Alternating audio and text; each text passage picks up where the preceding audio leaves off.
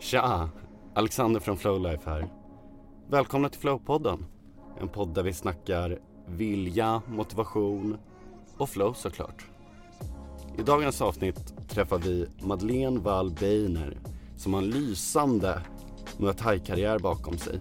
Där hon var bland de allra bästa i världen. Hon har haft en stuntroll i filmen Wonder Woman och hon har dessutom skrivit boken Stark på insidan. En riktig doer med andra ord.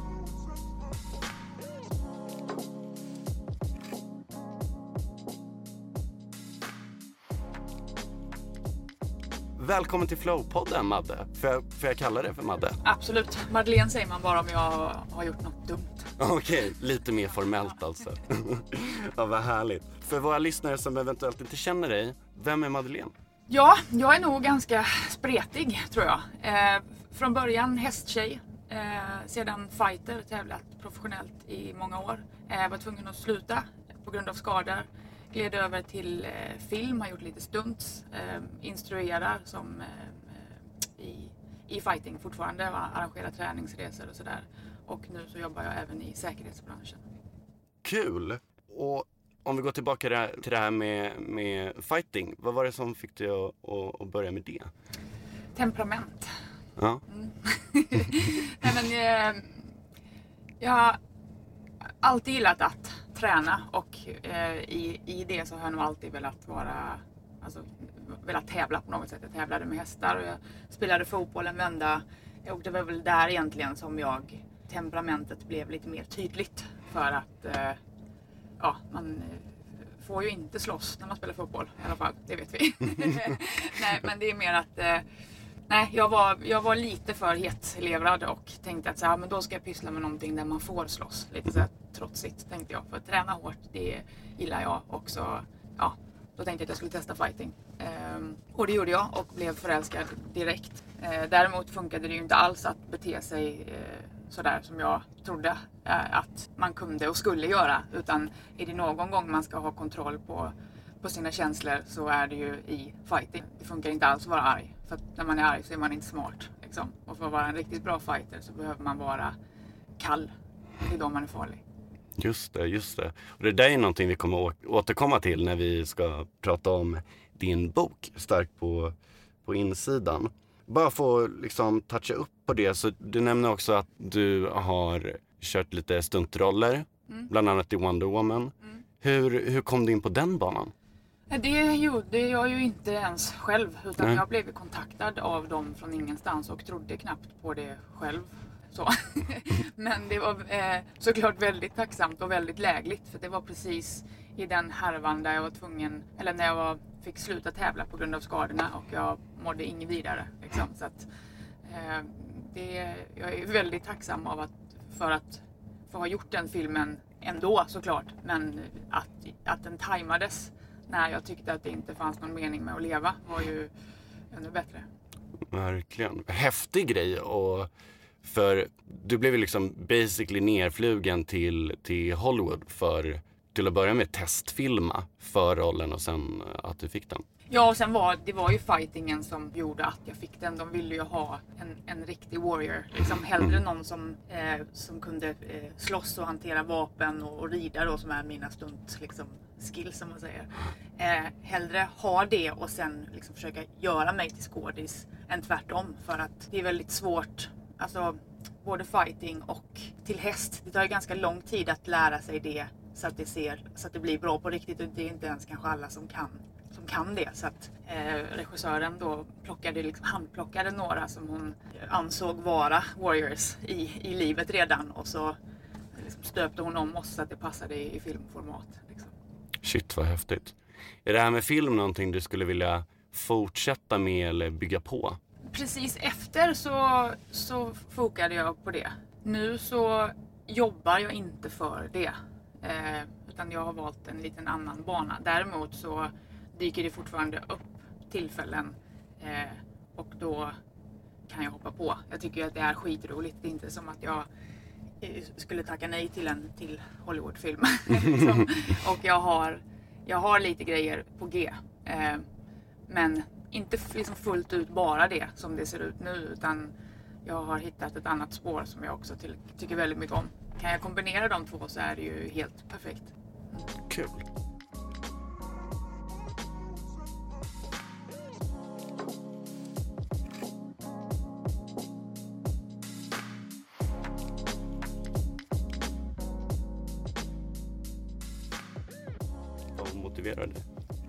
Att jag, eh, jag tänker inte på att något motiverar mig eller att jag ska hitta något som motiverar mig utan jag har ett sånt starkt driv vare sig jag vill det eller inte. Och det, men jag tror att det grundar sig i att jag vill aldrig stå still. Och det är både liksom fysiskt och mentalt. Så att jag mår väldigt bra av att eh, röra mig eh, och träna. Eh, men också att jag alltid vill utvecklas. Så att jag letar alltid efter något nytt sätt att utmana mig på eller att lära mig något nytt. Det där tycker jag är jätteintressant för det där tror jag många kan lära sig av. Mm. För ofta tror jag att vi jagar den här motivationen. Mm. Just till exempel i, i läget som vi är idag med coronakris och många måste sitta hemma och jobba hela tiden vilket gör att motivationen kanske sänks. Ja. Och då försöker man jaga efter mm. och få tillbaka den här gnistan. Men det kanske är mer the way to go att, att ha en konstant låga i sig. Mm. Ja, och det är ju, det är ju lite kanske svårt att, att säga för att man är ju olika också. Det är inte kanske alla som har den lågan i. Alltså jag har, har ju haft den alltid så att det är ju ganska lätt för mig att, att, att göra grejer för att jag, jag, jag drivs. Jag har drivet per automatik mm. lite. Eh, men man kan ju också, precis som du säger, att, att liksom inte jaga en motivation utan säga fast vad är viktigt för mig? Vad tycker jag om att göra? Eh, och utgå ifrån det. det blir, jag tror att det blir lätt att man tittar lite på vad som borde vara motiverande eller vad andra gör eller sådär. Eh, ja, som, för jag har ju haft olika, även om själva grundstommen är att jag alltid vill utvecklas så har det varit, ett tag så var det ju bara att bli bäst i världen på att slåss som var mitt mål i väldigt många år när jag tävlade. Liksom.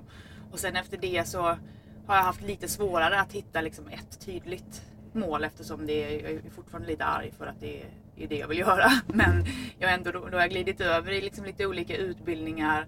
Jag hade ju film eh, ett tag där jag fokuserade väldigt mycket på stunt och sen så fick jag in eh, en fot i säkerhetsbranschen och det är där jag är nu och det är det som är den röda tråden i att så här, min motivation nu är att jag vill bli så bra som möjligt på att hantera svåra situationer och det kan vara allt från slagsmål till bilolycka till någon som får ett epileptiskt anfall. Alltså mm. här, att, att vara bra på att överleva. Och, mm. och ja, där är jag nu och det är ju ganska icke-konkret. eller sådär. Men jag, ja. Det, och det är, inte, det är inte bara, nu är det ju tur för att det är ju i yrket också, men det är bara så generellt i livet. Um, vara en, en överlevare. Mm. Men jag tycker, alltså när man lyssnar på det så tycker jag att det låter ganska konkret. För att de grejerna du har pysslat med och pysslar med, alla följer ju som du själv nämner en röd tråd. Det, på så sätt blir det ganska logiskt liksom, i your steps. Liksom. Ja, men det, så är det kanske. Det är mer att när jag ska liksom sätta upp egna delmål så är det inte helt lätt så här, för det är ett ganska stort ämne. Så att mm. så här, är, det, är det sjukvård? Är det brandskydd? Eller är det eh, bilkörning jag ska vara mm. bäst på? Eller är det allt? Eller är det liksom ganska bra på mycket men fokuserar mest på det här? Så här är det vapen eller är det självförsvar? Alltså, så att jag, men jag har några delar som jag alltid fokuserar mer på och sen så eh, jämsides med dem så går jag lite extra eh, utbildningar och sådär. Som igår till exempel så, så gick jag, eh, tog jag en lektion i så karta och kompass. Jag är ingen eh, jag tänker inte att jag ska börja med orientering, men jag tänker att det är bra att kunna orientera sig. Ja, att, absolut. Så då blir det en liten avstickare. Så att jag har mina liksom huvudspår som jag lägger mest eh, tid och energi på, men sen så även små, små grejer som jag sticker in ibland. Häftigt.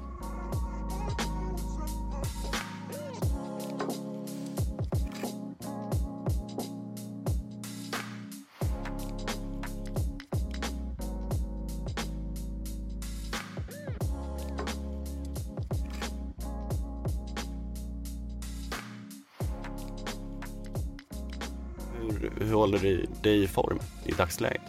Ja, jag har ju, jag har ju fortsatt träna två gånger om dagen. Eh, min, en av mina tränare sa när han skulle presentera mig för en annan så här, det här är Madde, hon är den enda liksom, som tränar, enda i hela världen som tränar som en elitidrottare fast hon tävlar inte ens. Varför hon gör det vet jag inte men hon gör det. eh, nej men skämt åsido, jag, eh, eftersom mitt liv i så många år handlade om det så är det en rutin som inte, det är inte jobbigt för mig utan det är nästan, det får snarare liksom ger mig en struktur och det gör att mitt liv blir bättre. Sen matchtränar jag ju inte två pass om dagen längre för det eh, varken hinner eller håller jag för. Men jag mår bäst och är bäst när jag får göra av med energi. Skillnaden nu är att jag gör, jag tränar eh, jag bröt ju ner mig de sista åren för att elitidrott är liksom inte synonymt med, med hälsa. Eh, alltid, eh, eller sällan kanske. Så att nu kör jag ju även liksom, eh, uppbyggnadspass och rörlighet och återhämtning. Så att även om det låter som att det är väldigt mycket så är det inte alla som är stenhårda. Sen är det ju vissa som är det såklart för det är ju de passen som, som känns riktigt skönt. Ja, ja men precis. Eh, men eh, så att det har jag bara fortsatt och sen har jag, försöker jag ju styra mitt liv efter det med jobb så att det eh, i perioder som jag har när jag har utbildat mig eller som om jag jobbar 12-14 timmar om dagen då är det väldigt svårt att få in två kvalitativa träningspass och sen på det ha liksom hund och familj och resten av livet.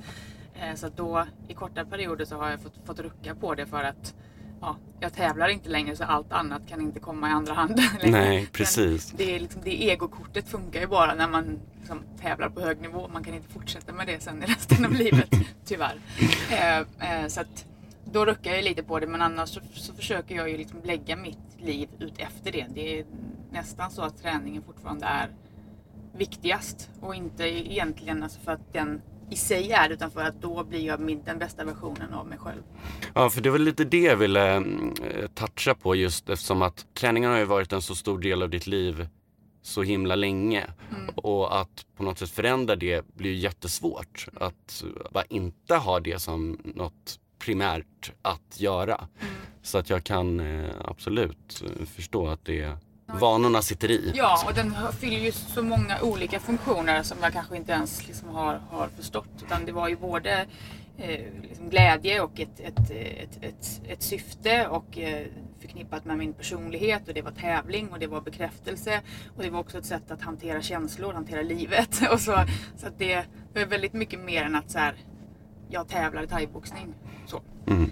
Eh, och det är väl de, de viktiga bitarna som får mig att må bra på insidan är ju de som jag ja, men, håller kvar i först och främst.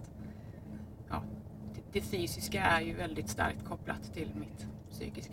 Precis. Och det ska vi komma in på nu. Du har ju skrivit boken Stark på insidan tillsammans med Igor Ardoris som även är din mentala tränare. Hur kom idén till boken? Jag, jag vet knappt. Vi jobbade ju i många år att där han var min mentala coach i fightingen för att så här, jag förstod att det är var den sista pusselbiten. Att när man ligger på så hög nivå så alla är eh, fysade, alla har bra teknik, alla är skitbra. Den sista liksom, delen som avgör är skallen. Och jag hade ju fortfarande liksom mina anger issues. eh, och det var då, ja, då ville jag ta och, och, och styra upp det liksom, och kontaktade han. Och så jobbade vi ihop i många år. Och jag tror att under den tiden så pratade vi om det men det var eh, då var det ju karriären som var viktigast. Och sen när jag slutade tävla så fanns det ju utrymme för att faktiskt liksom sätta pränt på det som vi eh, jobbade efter eller jobb, jobbar efter i, i livet. Och det, man behöver inte vara en, en fighter för att den, utan det, boken handlar att vara stark på insidan är ju, det handlar om eh, om känslor och om verktyg och känslorna är ju densamma oavsett om man är är, fighter, simmare, cirkusprinsessa eller rörmokare. Liksom det är ilska är ilska, rädsla är rädsla liksom, och det hanteras på samma sätt. Eh, det vi vill göra då som, som, är, som är annorlunda är att vi har liksom två vi pratar om samma sak men vi har två två helt olika synsätt. Eh, och där jag då har exempel från verkligheten. Det blir ganska tydligt i fighting när, när det mentala liksom jobbar för en och när det jobbar mot en. Så att det eh, är ganska lätt att förstå och man får ett kvitto ganska snabbt på om, om man är på rätt spår eller inte. Ja men verkligen. Och den här boken kan ju ses som en handbok i eh, personlig utveckling och välmående. I Sverige då, som är ett land där mental hälsa och välmående ofta är på tapeten, men som sällan prioriteras. Är det någonting som, som du också kan just eh, känna igen dig i eller, eller liksom stå bakom just att, att i Sverige pratar vi gärna om det men när det väl kommer till kritan så är det kanske inte någonting som man prioriterar och gör något åt. Ja, kan, jag tycker nog att det blivit lite bättre för att, att börja prata om det är ju en bra start. Det gjorde man ju knappt ens förut. Eh, och att man prioriterar bort. Jag vet inte om det ha, handlar om att man prioriterar bort det eller om man bara inte är beredd att göra det som krävs. För det är ju både tråkigt och jobbigt liksom, att, att, gräva i sig själv och varför man gör som man gör och sen förändra sitt beteende. Eh, och det visste jag ju eh, att jag behövde göra för att det skulle bli så mycket bättre. Men jag skulle ju aldrig gjort det om det inte var för fightingen för att det var liksom för ocoolt att, att hålla på med det. liksom. Eh, men sen hade jag ju då, då var det så tydligt att för att ta nästa steg och för att bli bättre så var jag tvungen att göra det. Och för fightingen som var så viktig så var jag beredd att, att lägga ner den tiden och göra mer eller mindre vad som helst för, för det.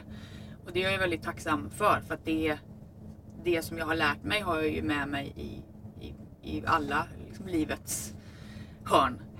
Um, och tyvärr är det väl så att man kanske typ behöver, smärta driver förändring så att det kanske behöver gå lite åt skogen eller man kanske behöver sjunka ganska djupt för att man ska känna att så här, fast nu, nu behöver jag ta tag i det här. Ehm, så att jag vet inte, ja, att prata generellt om, om, om, samhället och att det inte prioriteras. Jag vet inte om det är, alltså det ligger väl lite hos var och en. Liksom, att på riktigt ta, ta sig i kragen och göra jobbet. Liksom. Ja, precis. När var ögonblicket som du själv kände att nu måste jag ta tag i det här liksom, utifrån sin, din egna del? Jag tror att det var när det började gå ut över andra. Eh, för att jag har, jag är nog lite av en eh, självplågare och är inte supersnäll mot mig själv. Så att hade det bara drabbat mig så hade jag kanske kunnat fortsätta lite till ändå och, och liksom gräva gropen djupare. Men eftersom jag tränade och tävlade med andra runt omkring mig och det började liksom smitta och dra ner. Alltså, vi var ju i samma miljö och om en svär och slänger saker och ber alla fara åt helvete. Det är klart att det, det är inget härligt. Liksom. Och efter varje gång jag hade gjort det så kände jag mig jättedum. Liksom. Och så fick jag be om ursäkt. Och så, um, sådär. så det, det var nog mer när det... Så att jag, kan inte, jag kan inte hålla på så här. Jag, jag förpestar ju miljön för andra. För att för mig går det ju, gick det ju från liksom 0 till 600 000 på så snabbt så att det blixtrade. Liksom. Och sen efter det så kunde jag säga, oh, okej okay, fan, det var inte så bra. Och så kunde jag gå vidare. liksom. Men jag vill inte, jag ville inte att, jag vill inte vara den. Utan jag vill vara den som, som tränar hårt. Och, och det, är självklart får man bli förbannad ibland. Men det var, det var för ofta. Liksom. Så att, det var nog det som avgjorde att jag, jag skämdes gentemot andra och ville inte men, ta av deras stämning. För det mm. gjorde jag ju. All right. Som vi tidigare touchade på så tävlar du ju inte längre på grund av medicinska skäl. Mm. Och du tar även upp det här eh, i boken när du talar om just ilska och, och sorg. Mm. Och en sorg för dig var ju just det här ögonblicket mm. när du fick reda på att du inte skulle få tävla något mer. Mm. Kan inte du berätta lite mer om det ögonblicket? Just känslorna som, som kom till dig just när du fick det beskedet? Alltså just när jag fick beskedet. De känslorna säger nog inte supermycket för det var mer chock mm. tror jag. Utan det var ju så här snarare efterspelet och så många olika faser av bearbetning som det var, ja, men som, först var det chock och sen så var jag eh, jätteledsen för att jag tänkte så här, gud det här är ju jättehemskt fast jag egentligen inte ens fattade det mer än att liksom, det, som, det som förändrades på dagen var ju att jag inte fick träna. Alltså jag skulle, fick inte ens träna alls i början för att jag var så sargad. Liksom. Eh, så det märkte jag ju direkt på dagen. Men sen hade jag nog svårt att greppa att jag kommer aldrig mer få göra det här och vad betyder det när jag aldrig mer får göra det här. Så att, chock, sorg, förnekelse gick jag hade jag ett tag när jag tänkte att så här, men det här är ju bara, det här är inte ens sant. Det är ju någon som har, ja inte vet jag, fått läkaren till att säga något för att, för att jag, jag orkade liksom inte hantera det. Eh, och sen eh, ja, var jag väl förbannad i något, i något skede men sen det värsta och liksom den, den sista fasen var när jag blev alltså nästan eh, apatisk i att, för att jag blev så deprimerad för att så här, jag, jag vet verkligen inte vad jag ska göra nu. Jag vill inte, eller jag vill inte göra något annat. Jag vet ju att jag kan, om jag lägger all min energi på något så, så kan det gå precis hur långt som helst. Men jag ville inte.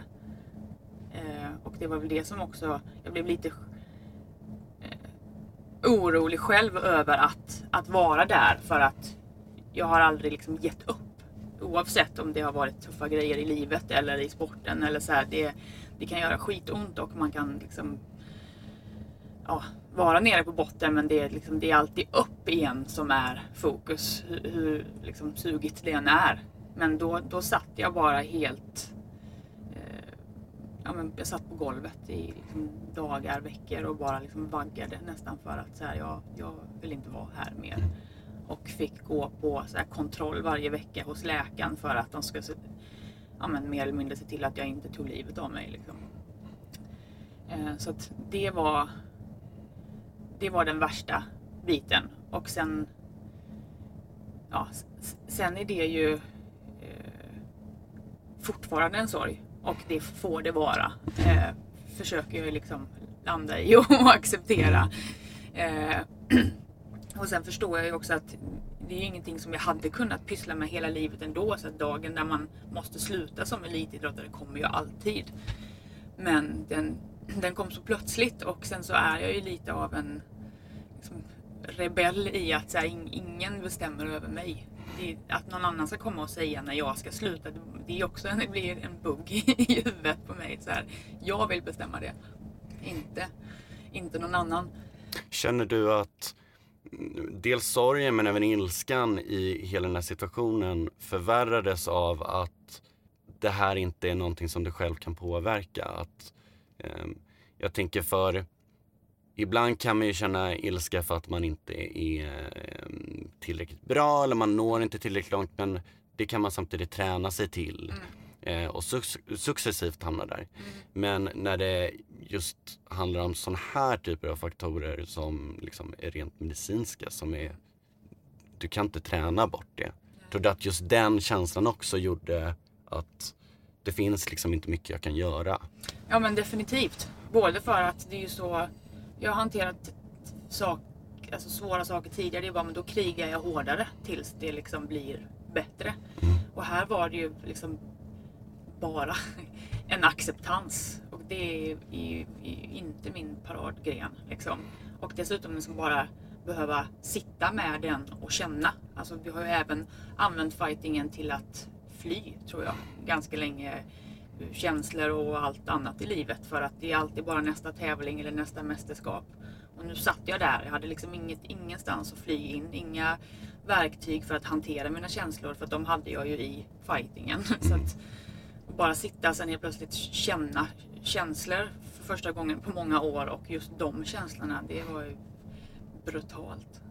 Du nämner ju i boken att ditt liv var som ett glas enbart fyllt med fighting. Där kan man ju tänkas koppla till just det här och att förlusten blev så stor för dig. Mm. Och där tänker jag också just det här tankesättet att inte ha alla ägg i samma korg. Mm. är det någonting du försöker leva efter mer idag? Nu med facit i hand? Ja, verkligen. Och jag tror att Igor han försökte liksom plantera det tankesättet hos mig redan liksom, ja, men några år tidigare. Bara att så här, jag, inte, jag var nog inte riktigt mottaglig för det. Men eh, verkligen. Eh, sen är det ju så här när man elitsatsar på något så självklart handlar ju väldigt mycket om det och det måste det få göra. Eh, men kanske liksom då främst i timmar. Men att man har liksom eh, andra värdefulla eh, eller meningsfulla saker. I, det var inte så att jag inte hade det. Det var att jag valde att inte uppskatta det eller tänka på det. Men, eh, nej, så att man har ja, vänner, familj, kanske någon liten sidogrej som är superoviktig men som ändå är en annan grej att, att vara i och göra. Liksom. Ehm, ja, och att sen har ju väldigt mycket för mig handlat om prestation alltid. Och det är så som jag har mätt mitt värde. Så att om jag då inte har någonting att prestera i så är jag inte värd något. Och då är det ytterligare en grej jag ska sitta och jobba med. Liksom. Eh, så att det är nog, ja, det var, det var väldigt mycket på, på samma gång. Just det där som du säger om att, att det är själva prestationen som sätter ens egna värde.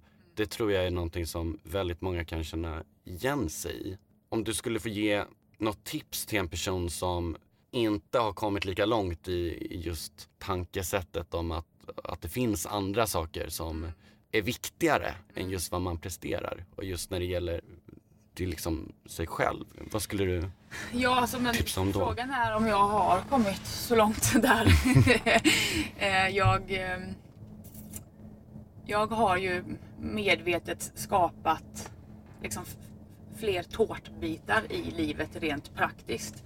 Men gentemot mig själv så är jag ju fortfarande där att jag gärna vill kunna eh, men, konkret bocka av att jag är bra och i form av att ha gjort något.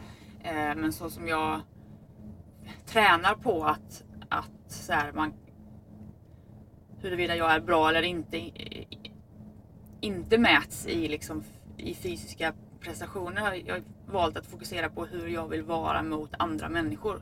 För att jag tycker att jag, för mig är det viktigt att, ja, men att jag är bra mot andra människor och är jag det så mår jag ju ofta bättre själv också.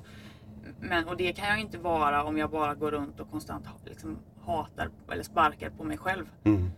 Eh, så då har jag hittat liksom, meningsfullheter i att här, vara en, en bra vän för någon eller en, ja, vad det nu kan vara.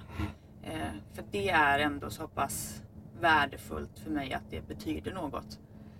Eh, men sen jobbar jag fortfarande på att så här, inte bara försöka hitta något nytt att tävla i så att jag kan bli bra och sen så eh, vinna något och, och, andas ut en stund innan jag behöver hitta något nytt som jag ska vinna i.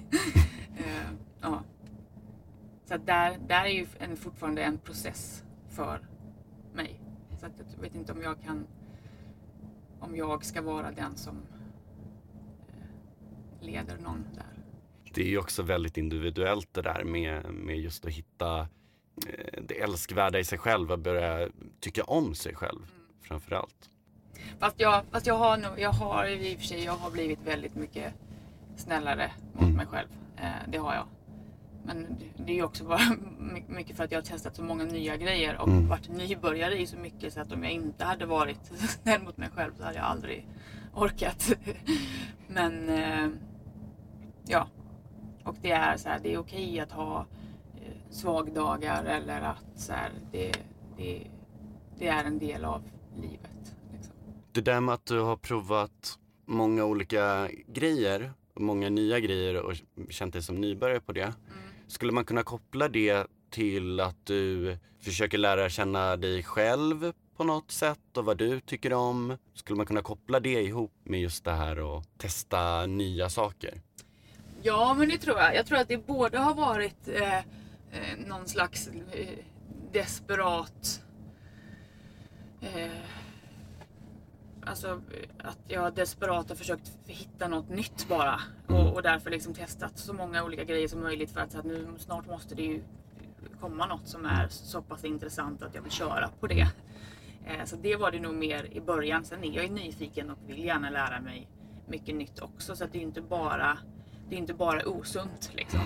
Eh, och det är väl där jag är nu mer att jag så här, men nu testar jag grejer eller lär mig nytt för att så här, det, det är grejer som jag kan lägga till i min verktygslåda. Ehm, ja, nu kommer jag inte ens ihåg vad frågan var. ja, men just det här om, om eh, för så kan jag känna ibland när jag provar på nya saker och just vad jag känner mig som en nybörjare. Då hittar man ju de här aspekterna av sig själv. Så här, men det här var jag ändå ganska bra på eller det här hittade jag och, och på så sätt lär känna sig själv. Mm, att det kan vara ett bra verktyg för det. Kan. Ja, ja men verkligen. Alltså man, man lär ju sig både en ny grej och något nytt om sig själv. Liksom. Mm. Sen kan det ju vara att man ja, kan ju vara både positiva och negativa mm. saker. eh, såklart. Och för min del har jag också tyckt att det varit viktigt eftersom jag instruerar mycket att det, man blir en helt annan pedagog om man själv utsätts för att vara liksom ny och dålig ganska ofta för att då får man en helt annan förståelse för hur det är för dem som jag ska lära eh, att slåss första gången. För att så här, ja, är man en, en, talang och bara har liksom åkt på den till toppen så kan det vara ganska svårt att, att, att lära ut hur man faktiskt nöter sig till eh, att lära sig något. Eh, så på så sätt har det varit eh, bra även där. Att så här, frustrationen som jag själv känner när jag är ny på något eller liksom inte särskilt bra. Den, den känner jag ju igen hos min elev. Och då kan jag ju också ha, då har jag ju olika strategier för att, att möta den där eller hjälpa den därifrån. Inte bara så här, men kom igen, det är lätt, kör bara. Utan så här, fast det är fan skitsvårt skulle jag veta. för att jag behöver tänka i 18 steg för att jag är ny medans du bara gör det för att du gör det på rutin och har gjort det i 20 år. Precis.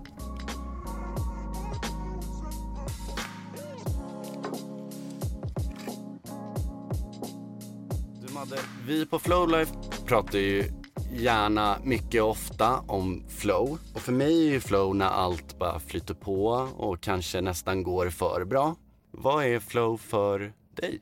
Uh, ja, men jag tror att det är när jag inte tänker så mycket, inte tänker eller anstränger mig så mycket utan jag bara är och det går. Det är ju extremt luddigt sagt men det kan vara allt från eh, så här ett, ett träningspass där man inte behöver liksom kriga mot att det är asjobbigt. Alltså det kan ju vara jobbigt ändå men det är mer liksom den psykiska kampen som bara är liksom still en stund. Men sen kan det också vara som eh, som när man hamnar i sammanhang där det bara känns rätt, som att så här, här ska jag vara, då blir det ett, ett flow på något sätt. Eh, men, ja, men flow blir nog när det inte finns så mycket motstånd. Oavsett sammanhang där det bara händer och där man bara är. Jättebra svar tycker jag. Madde, tusen tack för att du tog dig tiden och kom hit till Flowpodden. Jag kan absolut tipsa om att eh, läsa Starkt på insidan. Läs den, beställ den, ta del av de fantastiska tipsen eh, och historierna som boken innehåller. Tack och tack för att jag fick vara här. Tack.